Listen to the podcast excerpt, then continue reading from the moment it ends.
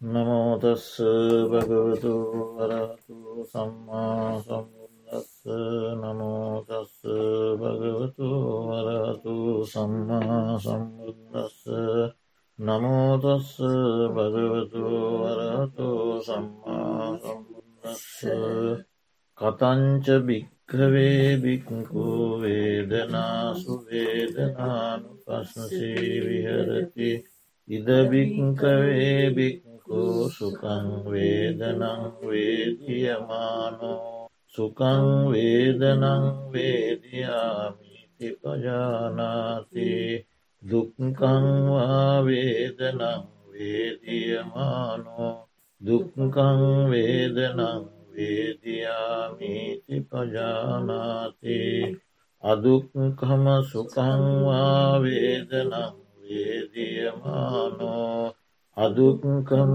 සුකං වේදනං වේදයාමීති පජානාති. ඒ කායානුපස්සන සතිපට්ටානයෙහි ඇතුළත් දහ අතර දා හතර ආකාර භාවනා කර්මස්ථානයන්ගෙන් පසු වේදනානු පස්සනා සතිපට්ඨානය පිළිබඳව බුදුරජාණන් වහන්සේ කරන ලද දේශනාවෙහි පළවෙනි කොටස.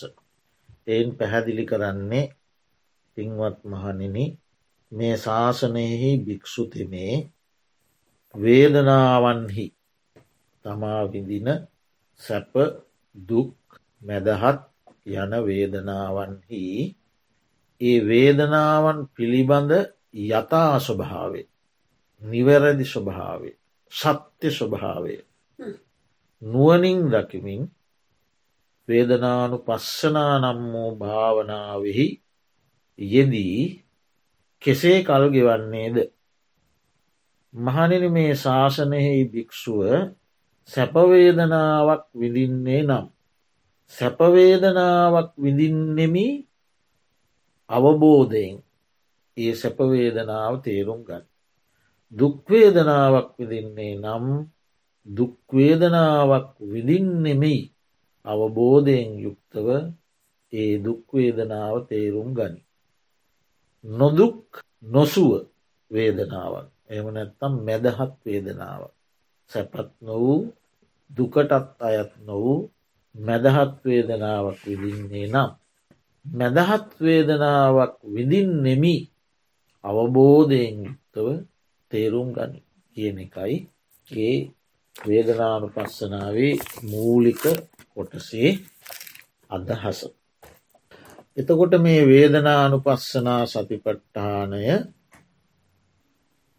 විදර්ශනා භාවනාවට අයත් වූ භාවනා ක්‍රමය. මෙයින් වේදනාවේ ස්වභාවය වේදනාවට අරමුණුවන දෙය වේදනාවෙන් විඳින රසය වේදනාවට ආසන්න කාරණය වේදනාව වැටහෙන ආකාරය වේදනාවේ ලක්ෂණ මේ සියල්ල අවබෝධ කරගනින්.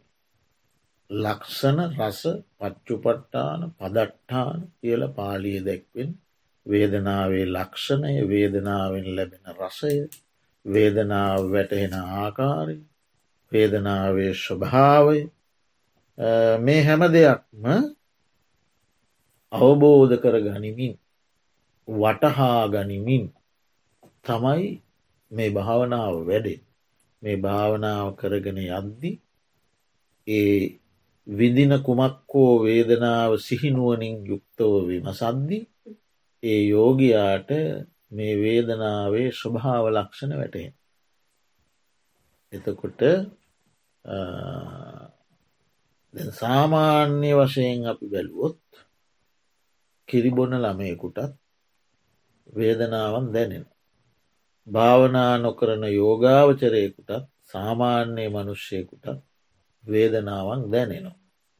හැබැයි ඒ භාවනා නොකරන මිනිසාට කිරිබොන ළමයාට දැනෙන වේදනාව තුළ ඒ වේදනාවේ සැබෑ ස්වභාවය වූ හඳුනාගන්නේ නෑ. ඔහු ඒක ආත්ම දෘෂ්ටියෙන් යුක්තව මම වේදනා විදිනවා මම රස විදිනවා මම දුක් විදිනවා ආදී වශයෙන් මුලාවෙන් යුක්තවයි ඔවුන් ඒ වේදනා රසය විඳින්නේ. එතෝට වේදනාවන් හටගන්න හේතුවහු දකින්නෙත් නෑ. අතරක් නෑර මේ වේදනාව අනිත්‍යවිවී අනිත්‍යවී වෙනස්වවී වෙනස්වවී යනවා කියලා හුදකින්නෙත් නෑ. ඒ නිසා ආත්ම දෘෂ්ටියෙන් යුක්තව ඔහු ඒ වේදනාව විඳින. අල්ලගෙන විඳිනවා. තන්නාමාන දිට්ටීන්ගෙන් යුක්තව විඳිනවා. එයා ඇතිව නැතිව යන බව දැනගන්නෙත් නෑ වේදනාවන්ගේ තියෙනවා ඇතිව නැතිව යන ස්වභාවයක් ඒක ඔහු දකින්නෙත් නෑ. එතකොට ඒ නිසා ඔහු තුළ නිත්‍ය ස්තීර සංඥාවන් තමයි හටගන්න. අනිත්‍ය සංඥා අස්තිර සංඥා හටගන්නේ නෑ. ඒ නොදන්නා බව නිසා ඔහු තුළ සත්ව මම මම වේදනා විදිනයාදී සංඥාවන්ගෙන් වැරදිවල්ල ගන්න එකට කියෙන සංඥා විපල්ලාසගේ. අනිත්‍ය සංඥාව නිත්‍ය වශයෙන් හොවල්ල ගන්න. අනාත්ම සංඥාව ආත්ම වශයෙන් හොවල්ලගන්න. දුක් සංඥාව සුක වශයෙන් හෝ අල්ලගන්න. එවිදිහට ඔහු තුළ සංඥා විපල්ලාසයන් හටගන්න. සාමාන්‍ය පුද්ගලයක් වේදනාව දන්නවා තමයි. ඒ දැකීම නිවනට හේතු ප්‍රත්්‍යය වන දැකීමක් නොව. අනවබෝධයි අවබෝධයෙන් තොරයි. නමුත් යෝගාවචරයාගේ දැකීම හෙම නෙමේ. ඒ කායික වේදනාවක් හටගත්තත් මානසික වේදනාවක් හටගත්තත් ඒ වේදනාව හටගන්නා උපදින උපදින වාරයක් පාසා ඔහු අවබෝධයෙන් යුක්තව එක දකිනවා. ඉපදී නැසී යන ස්වභාවය දකින. එතකොට ඒක තමයි වේදනාව ස්වභාව නැසෙන. ඒක තමයි වේදනාවක තියෙන ලක්ෂණය. එතෝට ඒ ස්වභාව ලක්ෂණය හෝ දකින. එතෝට හෝ වේදනාවේ රසය දකින. සුකවේදනාවේ සුකවේදනාවක්. දුක්ඛ වේදනාවේ දුක්ඛ වේදනාවත්. අදුක්කම සුකවේදනාවේ අදුක්කම සුකවේදනාවත්. ඒ වේදනා රසේ හු දකින. එතකොට වේදනාව ඇවිල්ලා මනසට වැටහෙන චෛතසික ධර්මයක් කියලහු දකිනවා. වේදනා චෛතසිකයක් කියලහු දකිනවා. එතකොට වේදනාවට ආසන්න කාරණය ස්පර්ශය කියලත් දකින. ස්පර පස්ස පච්චා වේදනා. ස්පර්ශය ප්‍රත්්‍යයන්තම වේදනාව හටගන්න. ඇසයි රූපයයි විඤ්ඥානය තුන එකතුවීමෙන් චක්කු සම්පස්සජ වේදන හටගන්න. ඇසේ ස්පර්ශයෙන් හටගන්න වේදනා. කණයි ශබ්දයයි විඤ්ඥානයයි තුන එකතුවීමෙන් හෙවත් ස්පර්ශයෙන් සෝත සම්පස්සජ වේදනා හටගන්න බවහු දකින. එතවට මේ ඉන්ද්‍රිය අයත් අරමුණු හයත් විඤ්ඥාන හයත් එකතුවෙන් සය ආකාර වූ වේදනා හටගන්න බව ඔහු බෙදා බලනවා බෙදා දකිනවා. එතකොට ඒ වේදනා චෛතසික අලුතෙන් අලුතෙන් හටගෙන නැසී යනවා. හටගන්න වේදනා නැසී යනවා නැවත වේදනා අලුතෙන් හටගන්න මේක පරම්පරාවක් සන්තතියක් වශයෙන් හටගෙන නැසෙන ස්වභාවයෙන් යුක්ත දෙයක් කියලා ඔහු දකිනෝ. එතකොට අද සාමාන්‍ය පුද්ගලයාට කිරිබොන දරුවාට දෙනෙන වේදනාව සහ යෝගාවචරයා දකින වේදනාවතර වෙනසේක. අරයා ස්වභාව ලක්ෂණ රස පච්චු පට්ටාන පදට්ටාන වැටහෙන කාරණ ආසන්න කාරණ ස්වභාව ලක්ෂණ මොකක්කත් එයා දකින්නේ. ඉඳල හිටල දැක්කත් ඒක සැනයින් ඔහුට ඔහු ආපහු ඒ දැකීම දුරුවෙලා ගිහිල්ල ආයෙත් අර වේදනාව තුළ රැඳෙන. තකොට තිවුණු ලෙස නුවන දියුණු වෙනකොට එහෙම මුලාව තුළ රැඳෙන් නැතිව වේදනාවේ ස්වභාවයන් දකිට පුරුපුරුදු හැම වේදනාවක් විඳින මොහොත්. වේදනා විදින හැම මොහොතකම වේදනාවේ තියෙන අනිත්‍ය ස්වභාව දකින. ඕ යෝනිසෝ මනසිකාරය සම්පජානකාරී බව. ඒ ඔක්කොම එතැන්ට ප්‍රත්තියයි. එතකොට එතකොට අර අපි ඉස්සල්ලා ඉගෙන ගත්තේ ඔයිට කලින් සන්තති ගණය කිය සන්තති ගණයෙන් වහිලති. ඒ සන්තති ගණය කැඩිලය. ඕ සන්තතියක්. මේ පවතින සන්තතියක් මොහොතක් පාසා වෙනස්වමින් යන සන්තතියක් එකක් ලෙසින් ඒකත්වයෙන් අරගෙන ඒ ඒකත්වයෙන් ගන්න සන්තතිය කැඩිලෑ මේක ටට්ටක් ගාල මේ මොහොතක් පාසා චෛතසික ධර්ම. හටගෙන නැසීම දකිනකොට සන්තති ගණය කැඩිලය. එතකොට ඒ තුළ හු අනිත්‍ය දකි. වේදනාවක නිත්‍ය සෝරූපයක් ස්වභාවයක් නැති බව ඔහු දකින. අනිත්‍යය දැකීම නිසා මේ වේදනාව කරේ චන්දරාගෙන් බැදී සිටීම දුකක් කියල දකින. මේ අනිත්‍ය වූ වේදනාවක තමයි මම මේ චන්දරාගෙන් බැඳිල ඉන්. එනිසා ඒ චන්දරාගෙන් බැඳීම දුකක් කියලා දැනගන්න. එතකොට ඒකේ මම මගේ කියලා ආත්මෝසයෙන් ගත හැකි හරයක් නැති බවත් දකි. එතකොට අනිත්‍ය දුක්කනාත්ම තිලක්ෂණයක් දකි. වේදනා විඳින්නේ කවරෙක්ද විඳන පුද්ගලයෙක් නෑ ඒ කවරෙක්ද කියලා විමසන්න පටන් ගන්නවා. එවට විඳින පුද්ගලයෙක් නෑ නැවත නැවත හටගෙන නැවත නැවත වෙනස් වෙවී යන සන්තති මාත්‍රයක් කියන එක අදකිනවා. එකොට වේදනා විඳින්ට අයිතිකාරයකුත් නෑ. වේදනාව කාගේවත් මැවීම දෙවියන්ගේ මැවීම ඊශ්වරයන්ගේ මැවීම බ්‍රහ්මයාගේ කැමැත් අනුව සිදුවන දෙයක්. ඒවා ඒ ඒ ඊශ්වරයන්ට අයිති දේවල් කියන හැඟීම් දුරු වෙලා එහෙම කාටවත් අයිති දේවල් නෙමේ ඒවා ස්පර්ස ප්‍රත්තියෙන් හටගන්න දේවල් හේතු පලදහම කියලය දකිනවා. එතකොට කෙසේ ඇතිවන්නේද කියලත් දකි. එතකොට කාගේද? කවරෙක්ද විඳින්නේ? කාට අයිති දෙයක්ද? කෙසේද ඇතිවෙන්නේ ඒ ප්‍රශ්න තුනටම පිළිතුර ලැබ. කාගේද? කාගේවත් නොවේ. කාට අයිතිද? අයිතිකරු වෙන්නේ. ඇතිවන්නේ කෙසේද. ඇසරූපේසා විඤ්ඥාන කන සබ්දේශහ විඤ්ඥාන නාසය ගඳ සූඳසා විඤ්ඥාන දිවකයසා විඤ්ඥාන දිව රසසා විඤ්ඥාන කය පහසසා විඤ්ඥාන මනස සිතුවිලිසා විඤ්ඥාන ඕ ස්පර්ශ ප්‍රත්ති ස්පර්ශ ප්‍රත්තියෙන් හට ගන්න බව එයා දකිනවා. දැකල වේදනාවේ සැබෑ ස්වභාවය හඳුනාගෙන වේදනාවන් කෙරේ චන්දරාගෙන් හො මිදිලය. ඒ විදිහේ මෙතන තියෙන්නේ ලොකු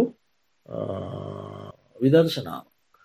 එතෝට මේ ආකාරයට වේදනාව බෙදාගෙන කොටස් කරගෙන විභජනය කරලා සිහිනුවනින් යුක්තව විමසා බලද්දි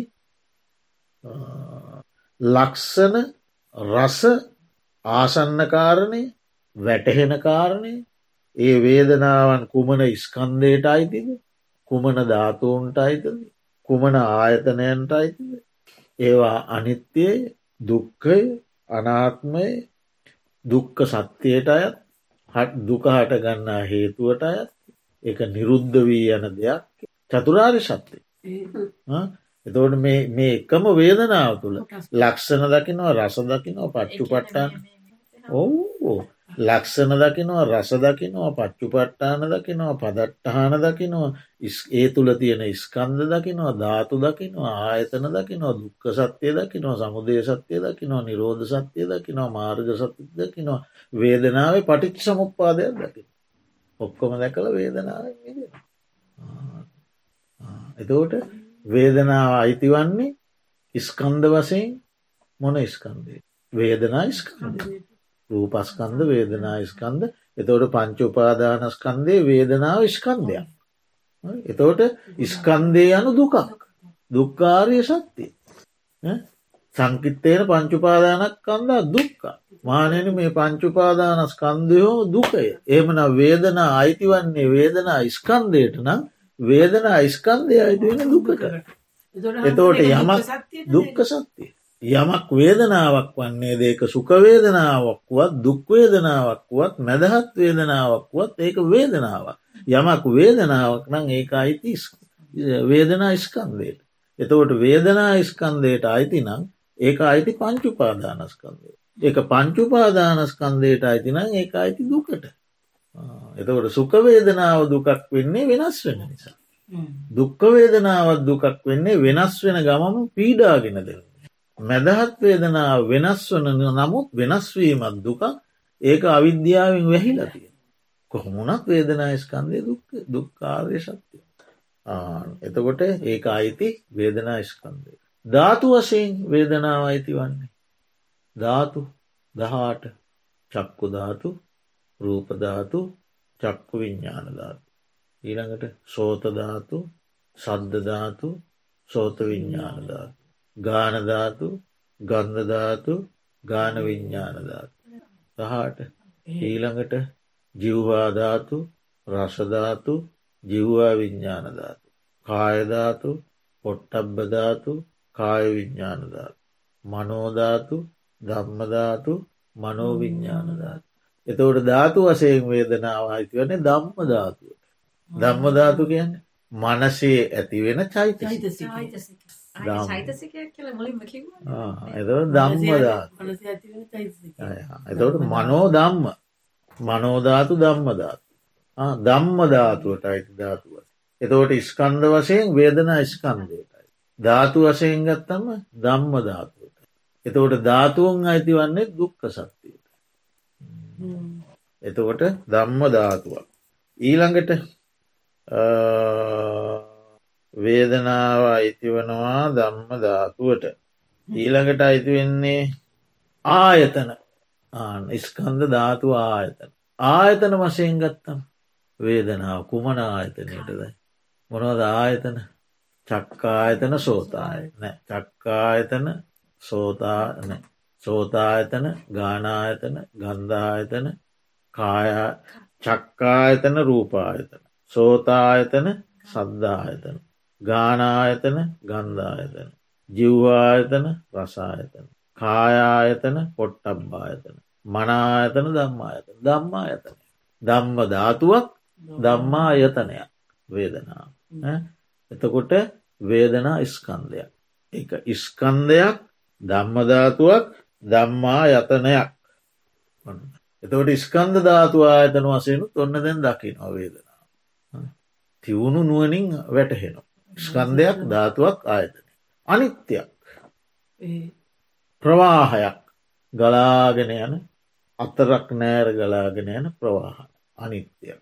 අනිත්‍යය වඩාත් අහුරුවෙන උදේවය දැකි. හටගන නැසෙන හටගන නැසෙන ස්වභාවේ දිය බුබුලු හටගන නැසනවා කියලා පියරිගෙන වේදනා බුබ්බූලු බුබ්බුලූපමා වේදනාව දියබුබුලක්සි. අ ජලාශයකට වැහැබිදු වැටෙනකොට දියබුබුලු හටගෙන මෙහෙම මෙහෙම මෙහෙම නැසේ වේදනාවත් මෙම හටගෙන නැසිනි හටගෙන නැසි නැසී යන ස්වභාවයක් අන්න දකින. එතකොට එම අනිත්‍යයි. ඉට පස දුක දකිනෝ. ඉට පස්සේ අනාත්මය දකින. ඊළඟට දුක්කාර්ය සත්‍යය දකින. මේ හටගෙන නැසී හටගෙන නැසී යන එක දුකක් දුක්කාර්ය සත්‍යය. එතකොට හටගෙන නැසී යන වේදනාව කෙරේ බැදී ඇති තෘෂ්ණාව දුක්ක සමුදයයි. තෘෂ්ණාව චන්දරාගේ කැමැත්ත ඕනෑකම බැඳීම දුක්ක සමුදය. එතකොට ඒ චන්දරාගේ තෘෂ්ණාව කැමැත්ත ඕනෑකම බැදීම නිරුද්ධ කිරීම නිරෝධය දුක්ක නිරෝධය දකින. ඒ දුක්ක නිරෝධය දකින්න ඒ දුක්ක නිරෝධ අවබෝධ කර ගැනීම සඳහා වැඩිය යුතු මාර්ගය ආර්ය අෂ්ඨාංක මාර්ගය. වේදනාව ඇත්ත ඇති සැටියෙන් දැකීම සම්මා දිට්ටියයි. වේදනාවෙන් මිදීම සඳහා අවශ්‍ය කරන්න වූ කල්පනා වූ සම්මා සංකප්පයොහු ආර්ය අෂ්ඨාංක මාර්ගයක්. වේදනාවෙන් මිදීම සඳහා අවශ්‍ය කරන වචන කතා කිරීම සම්මා වාචාවයි. ඒ සඳහා ක්‍රියාත්මකවීම සම්මා කම්මන්තය. ඔහොම ආර්ය අෂ්ඨායක මාර්ග. ඉතින් මේක ධර්ම සාගරයක් ඉට. මේ තුළ ඉස්කන්ද ධාතු ආයතන අනිත්‍ය දුක්ක අනාත්ම දුක්ක සමුදය නිරෝධ මාර්ග සියල්ලම දකිමින් පුද්ගලයා නිර්වාණයට යොමු කරන්නේ. එනිසා එක මහා ගැඹුරු දහමක්. ගැඹුරු දහමක්. සරල වැකියක් ගැඹුරු දහමක්. එතකොට දැන් අපි බලමු වේදනාව පිළිබඳව ඇව පලවෙනි කොටසන අපි තාම කතා කරන්න මුල් මුල් පිවිසුම. එතකොට අපි එතකොට දැනගණ්ඩ ඕන ඔන්න දැන් අපිට ලැබෙනවා ප්‍රිය මනාප ඉෂ්ට අරමුණු රස විදිල. ප්‍රිය මනාප ඉෂ්ට ඉතාම ප්‍රියයි. ඉතාම මනාපයපි කැමති. ප්‍රිය මනාප ඉෂ්ටයි කාන්තයි. මිහිරි මිහිරි අරමුණක් තියෙන්නේ දැන් මේ වේදනාව ප්‍රිය බවක් මනාප බවක් තියෙන. එවැනි අරමුණක් අරමුණු රසයක් බිඳින වේදනාවක් අපිට දැනුනහම එකට කියන්නේ සැපවේදනාව. එතකොට අපි දැන ගණ්ඩෝනෑ ප්‍රිය මනාප ඉෂ්ට අරමුණු රසවිනින සැපවේදනාවක් හටගත්තේ. ඒ සැපවේදනාව දෙස හෙම බලන. ප්‍රියයි මනාපයි ඉෂ්ටයි කාන්තයි එවන් රසවේදනාවක් සහිතයි එවැනි අරමුණු රසවිදින ඔන්න සැපවේදනාවක් මතුුණා. ඒක අනිත්‍යය ස්වභාවේ. ඒක දෙසට හිත යොමු කරලා ඒ සැපවේදනාව සැපයි සැපයි සැපයි සැපයි කියලා ඒ සැප අරමුණ බලන. එතකොට ඒ සැප අරමුණ කියන එක ස්තීරෝ නොපවතින සදාකාලික නොවන හේතු ප්‍රත්තියෙන් හටගෙන වහවහා වෙනස් විවීයන් වේදනා ස්කන්දයට අයිති ධම්ම ධාතුවට ධම්මායතනයට අයිති දුකට අයිති චන්දරාගේ නිසා දුක හට ගැනීමේ හේතුවටත් අයිති නිරුද්ධ කළ හැකි නිසා දුක්ක නිරෝධයටත් උපනිශ්‍රය වෙන දුක්ක නිරෝධ මාර්ගය වඩාගන්නටත් ප්‍රත්ති වන දෙයක් වශයෙන් හොදක වේදනා. දුක්වේදනාවක් විදිනකොට. අනිෂ්ට අප්‍රිය අමිහිරි අකමැති අරමුණක් විඳින අරමුණු රසයක් විඳින දුක්ක වේදනාවක් ඔන්න මට ඇතිව. ඒ දුක්ක වේදනාවේ තියෙන දුක්කිත ස්වභාවේ ඒකෙන් තැවෙනවනම් තැවෙන්නේ තැවෙන්නේ තැවෙන්නේ. පීඩාවක් පීඩාවක් පීඩාවක්. දුකක් දුකක් දුකක්. ඒ වේදනාව දුක් සහගත බව දකිමින් වාසය කරනකොට ඒකෙත් අපි දකිනෝ ඉස්කන්ද ධාතු ආයතන දුක්ක සමුදය නිරෝධ මාර්ග ලස් ලක්ෂණ රස පච්චු පට්ටාන පදට්ටාන ආසන්න හේතු හටගන්නා හැටි ස්පර්ශ ප්‍රත්තියෙන් හටගන්න ආකාරක පටිච්ච සමුපන්න පටිච් සමුපාදයක් දකි කෝද පටිච්ච සමුපාදය දකිින් පස්ස පච්චයා වේද? මේක නිකං දෙවියෙක් ඇතිකරපය ගන්නම ස්පරශ පත්තියෙන් හටගතමක පටිච්ච සම් මේ වේදනාව පටිච්ච සමුපන්න එතකොට පස්ස නිරෝධෝ වේදනා ස්පර්ශ නිරෝධය වේදනාව ස්පර්ශ ප්‍රත්තියෙන් හටගන්න ස්පර්ශ නිරෝධයෙන් බුද්ධ අන පටිච් සම්පන්ද දකි එතකොට අදුක්කම සුක වේදනාවක් ඇති වුණාවත් ඒ විදිහට දකින. සැපත් නොවූ දුකත් නොවූ. ප්‍රියත් නොවූ අප්‍රියත් නොව. මිහිරිත් නොවූ අමිහිරිත් නොවූ මධ්‍යස්ත වේදනාවක් විදින්නේ. ඒකෙත් ස්කන්ධ ධාතුව ආයතන පටිස් සම්පන් දක. ආන්න ඒ විදිහට බලන්න කියලා බුදුහාමුදුරුවෝ තින් දේශනා කරන. එක මහා ගැඹුරු විදර්ශනාවක් තිය. එතවට දැන් අපි බලමු වේදනාව පිළිබඳ තවත් බුදුරජාණන් වහන්සේ දේශනා කරපු දේශනාවන් කීපය. අපි බලමු අන්න තියෙනවා සූත්‍ර ගොඩාක් තියෙනවා බලමු මහනෙන ඇසූ පිරූ තැන් නැති පුහුදුන් තෙමේ. බොහෝ දේ දැන නූගත් පුහුදුන් මනුෂ්‍යයා සුවවේදනාවක් විඳී. දුක්වේදනාවක් විඳී. අදුක්කම සුකවේදනාවක් විඳී. ඇසූ පිරූ තැන් ඇති ආර්ය ශ්‍රාවකයාද සුවවේදනත් විඳී. දුක්වේදනත් විදී. අදුක්කම සුකවේදනත් විදී. මහනින එහිදී ඇසූපිරූ තැන් නැති පුහුදුන් පුද්ගලයා සහ බහුශ්ෘත ආර්ය ශ්‍රාවකයා අතර වෙනසමොකත්. වෙනස. ඇසූපිරූ තැන් නැති පුහුදුන් පුද්ගලයක් සැපවේදනා විදිනවා දුක්වේදනා විදිනවා මැදහත් වේදනා විදිනවා. බෞෂ්ෘත ඇසූ පිරූ තැන් ඇති ආර්ය ශ්‍රාවකයත් සැපවේදනා විදිනවා දුක්වේදනා විදිනවා මැදහත් වේදනා මේ දෙන්නගේ වෙන සමුකත් නැතිව කරනවා. ඉලන බුදුහාමුදුරු භික්‍ෂූන් වහන්සේලා දේශනා කරනවා ස්වාමීණී අපි භාග්‍යවතුන් වහන්සේ මුල් කොටයි අපේ නේතෘ අපේ ඇස භාග්‍යවතුන් ට භාග්‍යවතුන් වහන්සේ පිළිසරණ කොටගෙන අපි අපිට තියෙන පිළිසරණ රැකවරණය භාග්‍යව. ඒ නිසා මේ දේශනාවේ අර්ථය භාග්‍යවතුන් වහන්සේටම වැටහේවා. එතවට එහෙනම් මහනෙන අසව් නැනහින් මෙනෙහි කරව් කියල බුදුරජාණන් වහන්සේ ඔන්න දේශනා කර. මහනින ඇසූපිරූ තැන්නැති පුහුදුන් පුද්ගලයා දුක්වේදනාවන්ගෙන් පහස්නාලද්දේ. ඒ ඇන පහස ලැබෙනකොට දුක්වේදනාවන්ගේ ස්පර්ශය ලැබෙනකොට සෝක කරයි. දන්නේ නැති ඔවු. සෝක කරයි. ක්ලාන්ත වේ වැලපේ ලෙහි පැහැර හඬයි. ලයිහි අතගහගෙන හඬයි. මුලාවට පැමිණි. මෝහයට පැමිණි. හෙතම කායික වේදනාවද චෛතසික වේදනාවද යන වේදනා දෙකක් ඔන්න දැන් එයාට එයාට දුක්වේදනාවකින් එයා ස්පර්ශය ලැබුවම සෝක කරනවා දුක්වෙනවා තැවෙනවා ලෙහි පැහැර හඬනවා. එයා දැන් කායික වේදනාවත් විදිනවා මානසික වේදනාවත් විදිනවා එයට වේදන දෙකක් මහනෙන යම්සේ පුරුෂයක හුලකින් විදුනාහුද යම් මනුෂයකට උලකින් ඒ මොහු දෙවනි හුලකිනදු සමීපෙහි විදුනාහුද මානෙන මෙසේ වනායේ පුරුෂතමේ හුල කරන කොටගෙන වේදනා දෙකක් මනුෂ්‍යයකුට උලකින් විදි. ඒ සමීපයටම දෙවනි උලකින්. එතවට දැන් එයා උල් දෙකෙන්ම පීඩා. ඒ වගේ මේ බොහෝ දේ අසා නැති පුහුදුන් පුද්ගලයට වේදනාවක් ඇති වුණාම එය අයකින් තැවෙනවා පීඩා වෙනවා අන්ඩනවා වැලපෙනවා දුක්වෙනවා දුම්නස් වෙනවා. එතෝට එය වේදන දෙකක් වෙන. කායික වේදනාවකුත් විදිනවා මානසික වේදනාවකුත් විදින. මහනෙන එසෙහින්ම ඇසූ පිරූ තැන්නැති පුහුදුන්තෙමේ දුක්වේදනාවන් පහස්නා ලද්දේ. දැයිස්සල සැපවේදනාව නෑ ඉස්සල්ලත් දුක්වේදනාමයි දුක්වේදනාවෙන් පහස්නා ලද්දේම සෝක කරයි ක්ලාන්තවෙයි වැලපේ ලේපෑර හඬයි මුලාවට පැමිණේ හෙතෙ මේ කායික වේදනාවද චෛතසික වේදනාවද යන වේදනා දෙකක් විදී. ඒ දුක් වේදනාවෙන්ම පහස්නා ලද්දේ ක්‍රෝධ ඇත්තේවෙයි. ඔන්න දැ සිත ගැටිලද. වේදනාව නිසා දැන් සිතේ ක්‍රෝධය කිපීම ඇති වෙලා.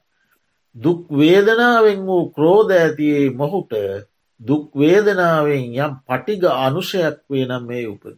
අන්න ද යටපත් වෙලා තිබ්බ ගැටීම නම් වූ අනුසේ. මෙ කිපීමත් එක්ක යටපත් වෙලා තිබ පටිග අනුෂය උපදින. හෙත මේ දුක් වේදනාවෙන් පහස්නා ලද්දේ කම්සුව පිළිගන්න. දැන් එයාට වෙන පිළිගණ්ඩ දෙයක් නෑ. දැම් මේ දුක්වේ දැන් විදින්න දුක්වේදනාව දැන් කායික දුකකුත් දෙෙනවා මානසික දුකකුත් දෙෙනවා දැන් පටිගයත් ඇවිල්ල පටිගේ අනුසේ මතු වෙලා. දැන් එයාට වෙන පිළිගණ්ඩ දෙන්න එය ධර්මය දන්න එයාට දැන් පිළිගණ්ඩ දයන කම් සැප කම් සැපහැර පිළිගණ්ඩ දෙයන්න හරිද.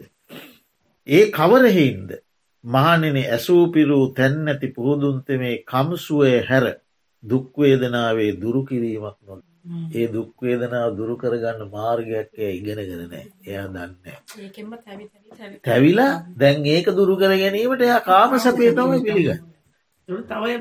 එයා කාම සැපක්. එයා දැන් ඇසකණ නාසේ ඇසකණනාසේ දිවකාය මනස පිනවීම හැර වෙන මේකට විකල්පයක් දකින්නේ.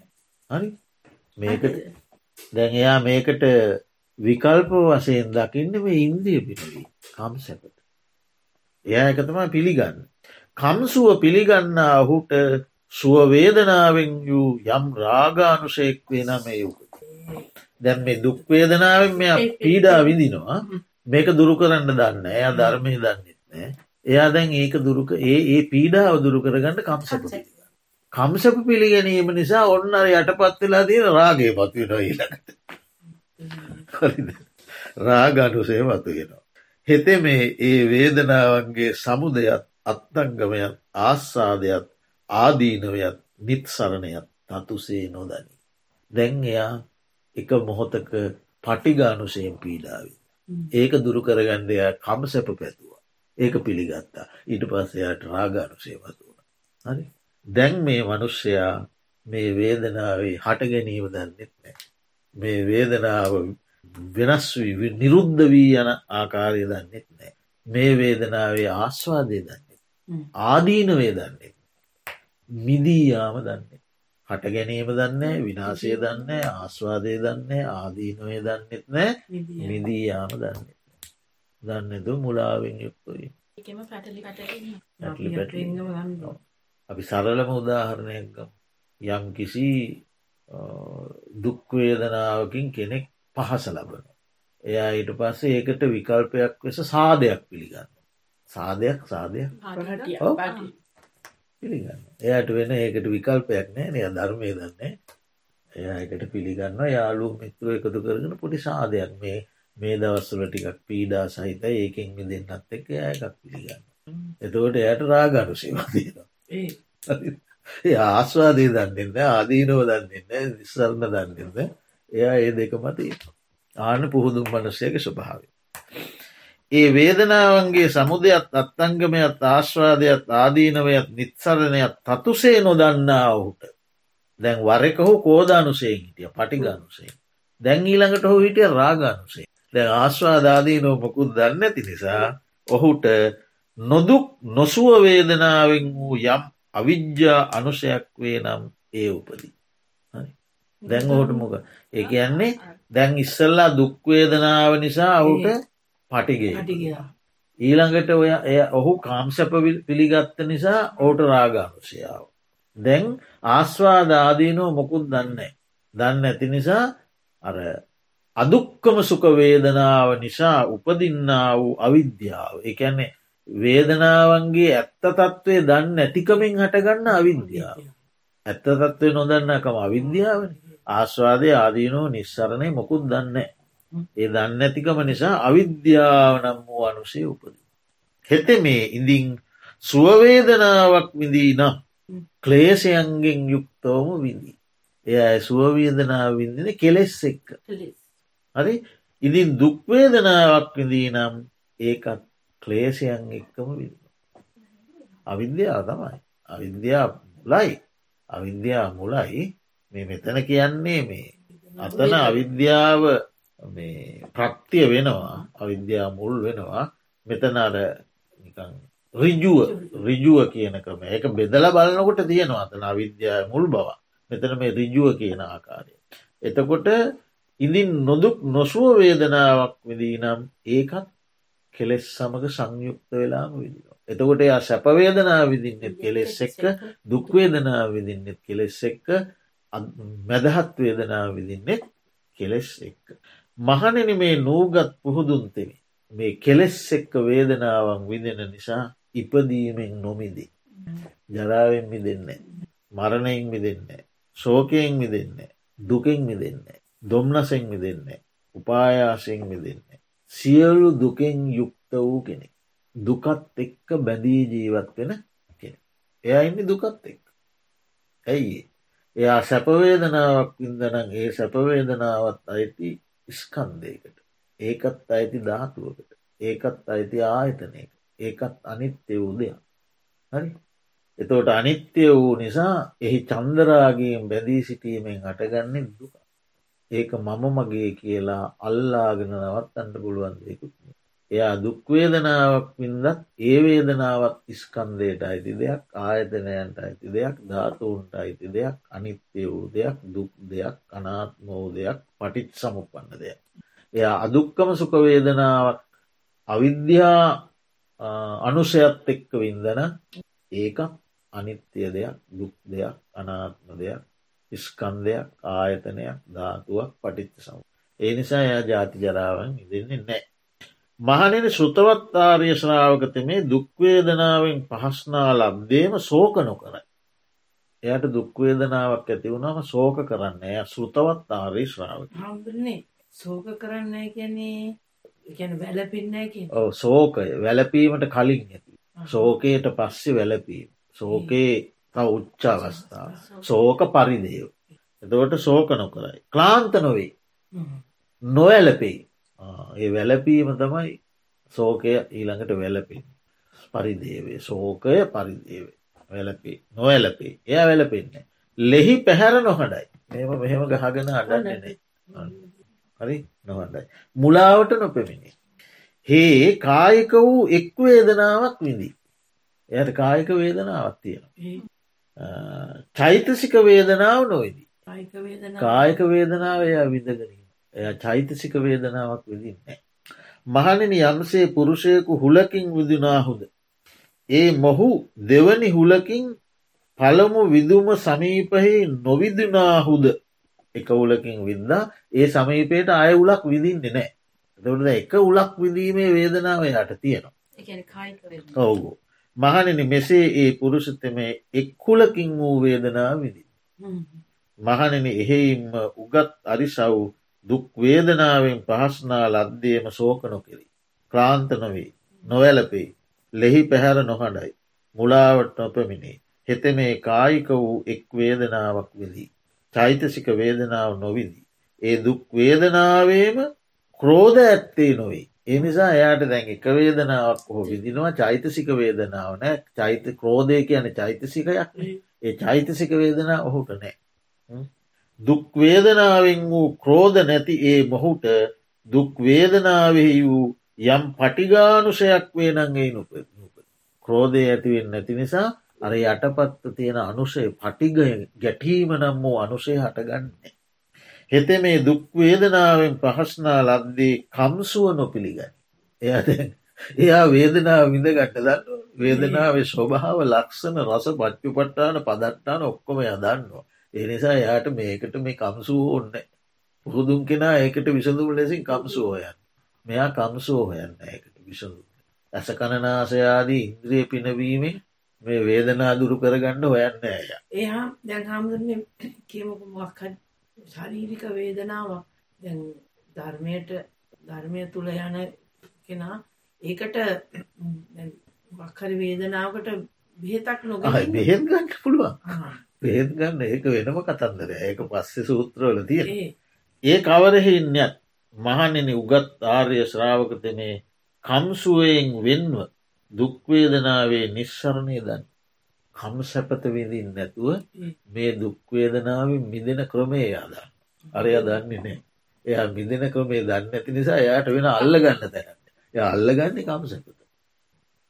මෙයා මේ වේදනාව මිදෙන්ඩ පුළුවන් දෙයක් කියලා දන්නවා මේක ස්පර්ශ ප්‍රත්‍යයෙන් හටගත් දෙයක් කියලත් දන්නවා මේක ස්කන්දයට අයිති දෙයක් කියලත් දන්නවා මේක ධාතුූන්ට අයිති දෙයක් කියලත් දන්නවා මේක ආයතනයන්ට අයිති දෙයක් කියලත් දන්න මේක පටික්ත සමුපන්න දෙයක් කියලත් දන්න මේ අනිත්‍ය දුක්ක අනාත්ම දෙයක් කියලත් දන්න. එනිසායට කම්සුව පිළිගණ්ඩුවම නෑ. කම්සුව නොපිළිගන්නා ඔහුට සුව වේදනාවෙන් වූ යම් රාගානුෂයක් වේනන්ගේ නුප දැන් කම්සුව පිළිගන්න කෙනාටනේ මේක අතහරින්ට මේකල්ල ගත්ත මෙතනින් රාගනුසය ඇතිවෙන් මෙයට රාගනුසය ඇතිවෙන්නෙත්න අතනින් පටිගනුසය ඇතිවෙන්නෙත් නෑ කම්සුව පිළිගන්න නැති නිසා රාගනුසය ඇති වෙන්නෙත් නෑ. ඒ වේදනාවන්ගේ සමුදයත් අත්හංගමයත් ආශ්සාදයක් ආදීනවයත් නිස්සරණයත් තත්තුසේදන්න. එයා දන්නවා මේ වේදනාව. දැන් දුක් වේදනාවන්නේ. ඒ අදන්නවා මේකේ හට ගැනීම දන්න. නැතිවයාම දන්න ආශ්වාදය දන්න. ආදීනවයක් දන්න. මිදී යෑමත් දන්න.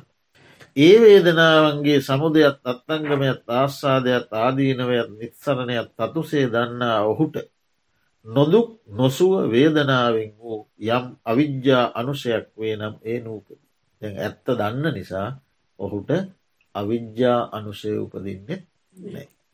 ඒ ඉඳින් සුවවේදනාවක් විදිීනම් කෙලෙසුන්ගෙන් වෙන්ව ඒ විදි. තතුසේ දැන විදින. දුක්වේදනාවක් විදිීනම් කෙලෙසුන්ගෙන් වෙන්වම ඒ විදි. නොදුක් නොසුව වේදනාවක් විදිීනම් වෙන්වම ඒ විදි.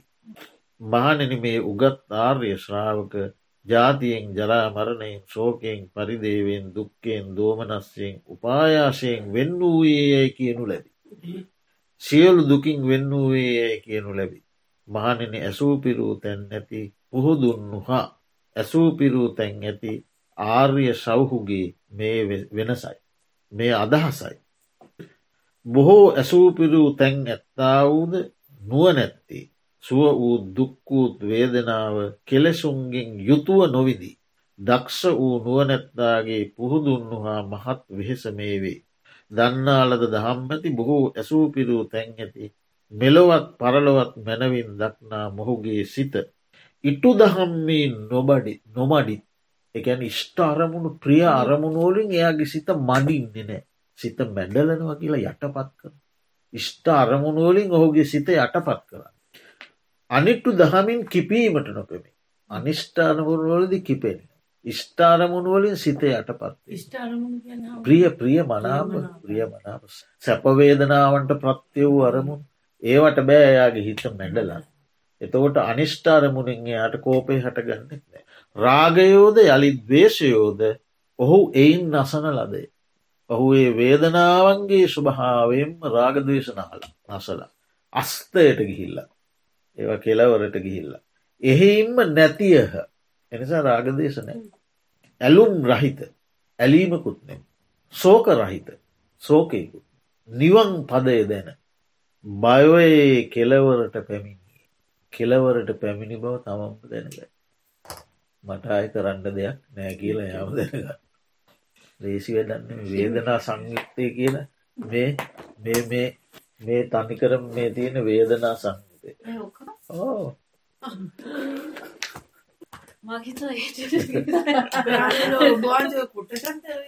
ඔය මේ එක සූත්‍ර එකක් ඔය එකක් වේදනා සංයුක්තේ සලායතන වක්ග වේදනා සංයුක්තේ.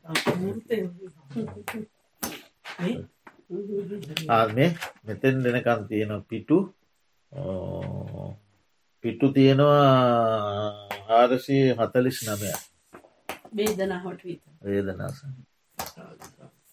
බුදුරජාණන් වහන්සේ මොන තරන්නම් කාරුණද මේ ලෝකයා දුකින් මුදවන්නට කොච්චර දේවල් විවිධ විවිධ විවිධ විධ ආකාරය නොයෙක් නොයෙක් ආකාරයෙන් බෙද්දලා විභජනය කරන දක්කොලා තියෙනවා දිටි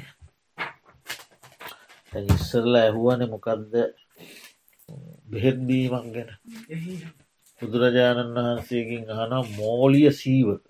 මෝලිය සීවක කියන කෙනා ඉතින් අහනවා ස්වාමීණී භාග්‍යවතුන් වහන්ස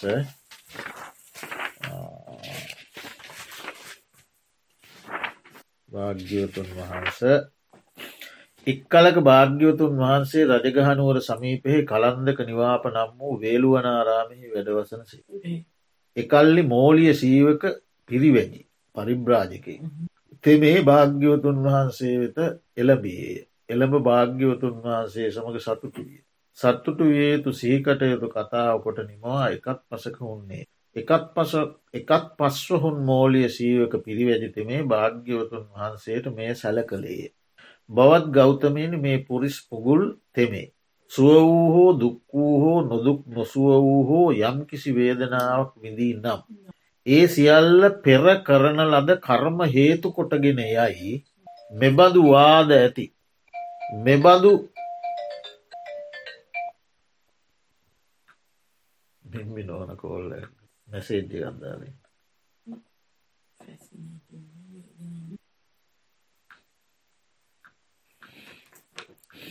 එතකොට එතකොට සුවවේදනාවක් වින්දත් දුක්වේදනාවක් වින්දක් නොදුක් නොසුව වේදනාවක් විඳත් ඒ සියල්ල පෙර කරන ලද කර්මහේතු කොටගෙනය කියන වාද ඇති දෘෂ්ටි ඇති මහන බමුණෝ ඉන්න හරි අපිට සැපක් ඇති වුණත් දුකක් ඇති වුණත් මැදහත් වේදනාවක් ඇති වුණ ඒක පෙරකරපු කර්මය ඉන්නවා.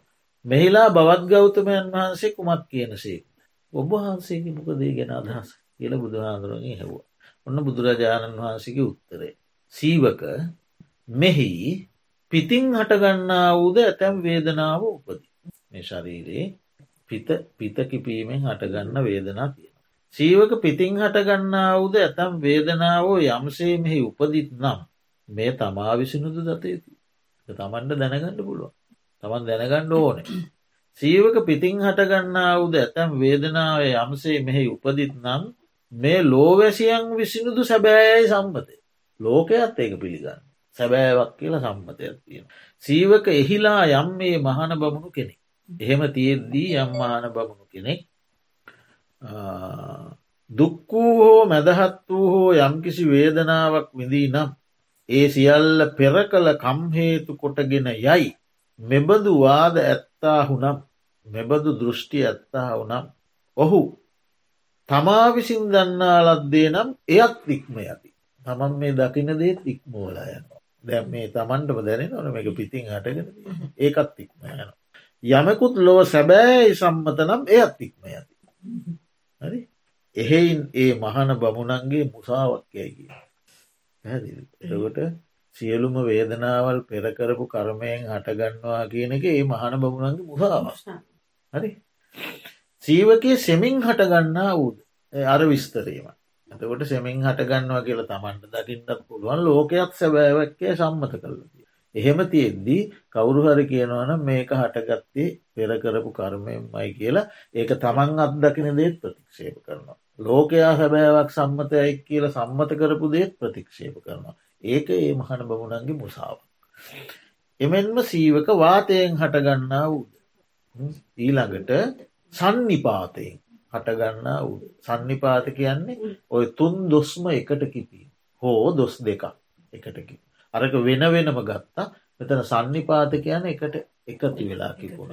තුන් දොස් කිපිල කියලා අපි බෞත බහුලව කියන්න එහෙම හටගන්න අවුදු වේදනා තියෙන. එතකොට ඉරුතු විපර්යාශයෙන් හටගන්නා වූද. දැව මේ පලාත්තුල කියන්න මේ මොකක් දෙකර කියන්න? මේකට කියන්න මොකක්ද ඇල ඉරුතු විපර්යාස. ඒක ඉතින් අපිට ප්‍රත්‍යක්ෂ දෙයන් ලෝකෙත් සැබෑ සම්මතයක්. දැවදායකුත් අපිට වෙල්ල කියන්න ආමුරු වැඩි එලියටම යන්න. සැබෑවක් ලෙස ලෝකය සම්මත කරය එතකොට මම කියනවන නෑනෑ මේක කියාත්ම සිද්ධවන කරුම තමයි මට මේ මේ දවසල කැස්ස හැදිල තියෙන්නේ කියලා. එතකොට ඒක මම අත්දකින එකත් ප්‍රතික්ෂේ ලෝකයා සම්මතයක් වෛද්‍යවරු සම්මත කල ඒකත් ප්‍රතික්ෂ ඒක ඒ මහන බමුණන්ගේ මුසාවක්කිව ඊළඟට විෂම පරිහාරණයෙන් හටගන්නා වූ වේදනාව තියෙනවා. වැරදි ලෙස ජීවිත පරිහරණය කිරීම. ඊළඟට උපක්‍රමයෙන් හටගන්නා වේදනා තිය. තමා විසින් හෝ අනුම් විසින් හෝ කරන ලද උපක්‍රම. ඊළඟට කර්ම විපාකයෙන් හටගන්නාවද ඇතැම් වේදනාව. මෙහි උපදි. එතෝට දැන් එතට වේදනා උපදින හේතුවතන අටක් කියනවා. වාතයපිකීම පිතකිපීම සෙමකිපීම තුන්දොස්කිපීම ඉරුතු විපර්යාසය වැරදි ජීවිත පරිහරණය ඊළඟට උපක්‍රමය සහ කරම විපාක්. එතකොට අටයි. අටෙන් එකක් කරම විපාක්. ඊට අමතර හතක් එතකොට සීවකය කර්ම විපාකයෙන් හටගන්නා වූ ඇතැම් වේදනාව යම්සේ මෙහි උපදිත් නම් මේ තමා විසින්ද දත යුතු. ලෝවැසියන් විසිනුදු එහෙම වේදනා තියෙනවා සැබැයි කියල සම්මත කරලා. ඉතින් ඒ නිසා ඒ සියල්ලම පෙර කළ කම් හේතු කොටගෙනයයි වාදයක් තියෙනවනං දෘෂ්ටියක් තියෙනවනං එයා අර තමා දන්නා දේ ප්‍රතික්ෂේප කරලා ලෝකයා සැබෑවක් සම්යයි සම්මත කරපු දේ ප්‍රතිශ්ෂේප කරපු කෙනෙ ඉක්ම යන කෙනෙ. ඒක ඒ මහන බමුණන්ගේ මුසාවක් යැයි කියමි. එනිසා ඒවා කර්ම විපාගෝල්ඩ් බාරනොදී බෙහෙත් ගණ්ඩෝන අසනී පොල්ට බෙහෙත් ගන්න.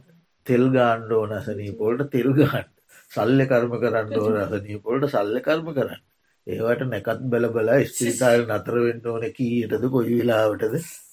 නෙම වෛද්‍යවරයා කියන වෙලාවට නතරවෙන්න. තිරල ඇකට මුහුණ දෙ ඒක බුදු දහමට විරුද්ධනෑ බෙහෙත් බුණේ. මට ඔන්නෑ බෙහෙත්. මට මේ කර්ම විපාකයක් හොඳ වෙනවා නම් හොඳ වෙයි.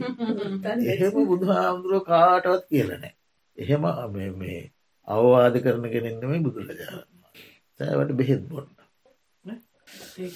හරි. එතකොට අපි ඉදිරියට තව වේදනානු පස්සන වේදනානු පස්සනාව යටතේ වේදනාව පිළිබඳව තව දේශනාවන් නොලට තවන් බුදුරජාණන් වහන්සේගේ දේශනාවන් විමසා කළම අද දවසට මේ රැස් කරගත්තා වූගෙන අටත් පල්ලෝසපත්ීන්ටත් නිවන් අවබෝධය පිණිසම හේතුවාසනාවේවා පාර්ථන